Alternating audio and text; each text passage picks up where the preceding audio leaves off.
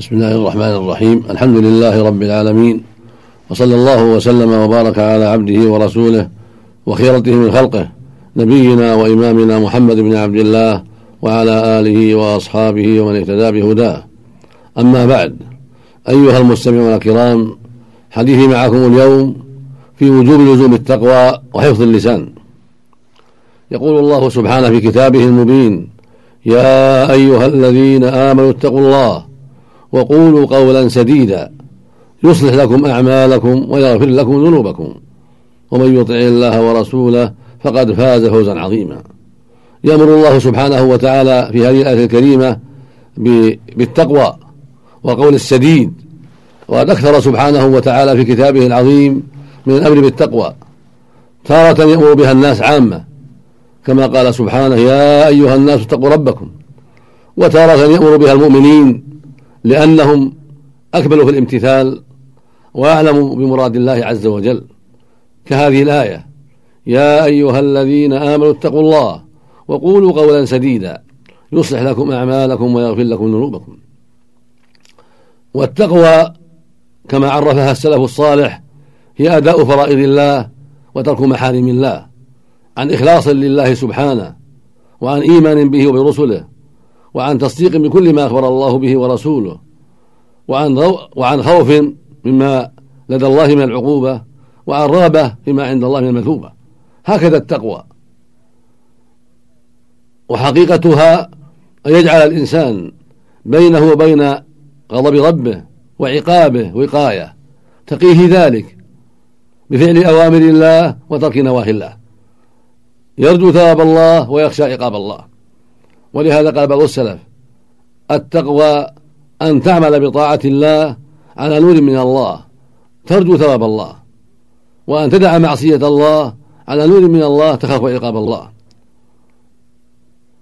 وقال بعضهم ليس تقوى الله بصيام النهار وقيام الليل والتخليط فيما بين ذلك ولكن تقوى الله أداء فرائض الله وترك محارم الله.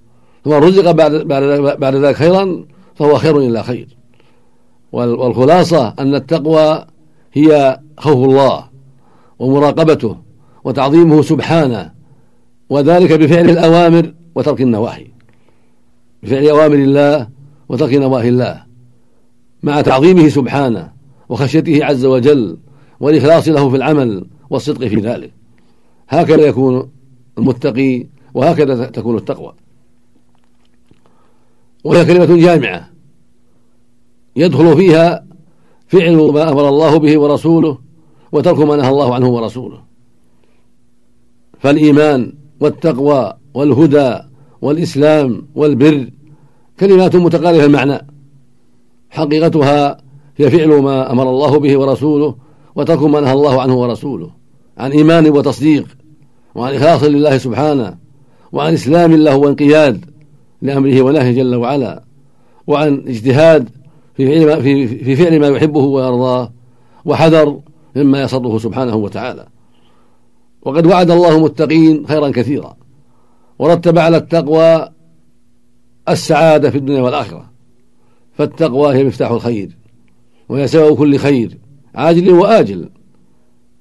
كما قال سبحانه ومن يتق الله يجعل له مخرجا ويرزقه من حيث لا يحتسب. ومن يتق الله يجعل له من أمره يسرا. ومن يتق الله يكفر عنه سيئاته ويعظم له أجرا. إن المتقين في جنات وعيون. إن للمتقين عند ربهم جنات النعيم. وبهذا يظهر أن التقوى يحصل بها كل خير. يحصل بها تفريج الكروب وتيسير الأمور ورزق الطيب والفوز في الآخرة بالجنة والنجاة من النار. فحقيق بكل مؤمن وكل مؤمنة المسارعة إلى التقوى والحرص عليها والبدار إليها ولزومها في جميع الأحوال في الشدة والرخاء في السفر والإقامة في المشهد والمغيب في كل وقت. ولهذا في وصية النبي صلى الله عليه وسلم لمعاذ قال له اتق الله حيثما كنت. أما قوله سبحانه وقولوا قولا سديدا فهذا أمر بالقول الطيب. القول السديد هو القول الطيب. السليم. الذي ليس فيه ما يغضب الله. فأنت يا عبد الله مأمور بحفظ لسانك. وصيانة عما يغضب الله جل وعلا. وذلك هو القول السديد. يعني الصواب الموافق للخير والحق.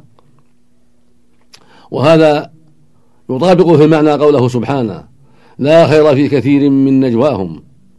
إلا من أمر بصدقة أو معروف أو إصلاح بين الناس. ويوافق قوله جل وعلا قوله عليه الصلاة والسلام في الحديث الصحيح من كان يؤمن بالله واليوم الآخر فليقل خيرا أو ليصمت. فعليك يا أخي أن تحفظ لسانك وأن تصونه عن كل ما يغضب الله جل وعلا من الغيبة والنميمة والكذب وشهادة الزور والسب والشتم والفحشاء وغير هذا مما يغضب الله جل وعلا. هكذا يكون المؤمن حافظا للسانه صائنا له عما لا ينبغي. واللسان خطره عظيم. فقد صح عن رسول الله عليه الصلاة والسلام أنه قال إن العبد لا يتكلم بكلمه ما يتبين فيها ما يثبت فيها يزل بها في النار أبعد مما بين المشرق والمغرب أو كما قال عليه الصلاة والسلام. وفي لفظ آخر إن العبد لا يتكلم بكلمه ما يلقي لها بالا يكتب الله له بها سخطه إلى يوم القيامة أو كما قال عليه الصلاة والسلام. فهذا يدلنا على خطر اللسان. وأن الواجب علينا أن نصون اللسان وأن نحفظه حتى لا نقول إلا خيرا. ولعظم شأن اللسان خصه الله بالذكر في قوله وقولوا قولا سديدا. وإلا فالقول السديد من التقوى داخل في التقوى. ولكن لعظم شأن اللسان وخطره خصه الله بالذكر وحده بعدما ذكر التقوى ليهتم المؤمن بذلك وليحرص المؤمن على حفظ لسانه وصيانته. ثم بين سبحانه وتعالى أن الذي يتقي الله ويقول القول السديد يصلح الله عمله ويغفر ذنبه.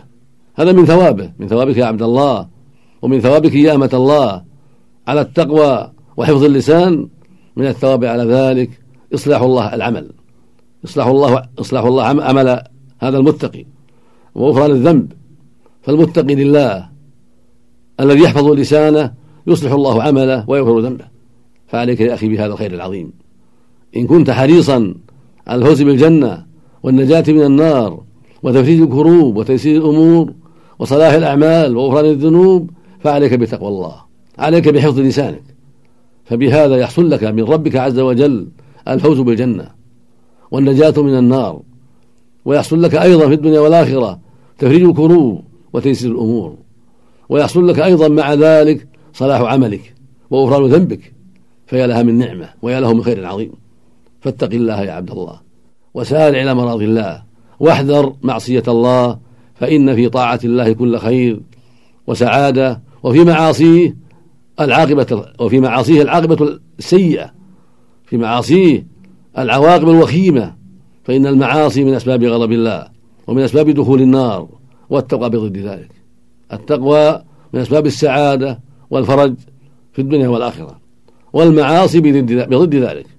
ونسأل الله عز وجل أن يوفقنا وسائر المسلمين لما فيه رضاه وأن يصلح قلوبنا وأعمالنا وأن يهدنا جميعا صراطه المستقيم.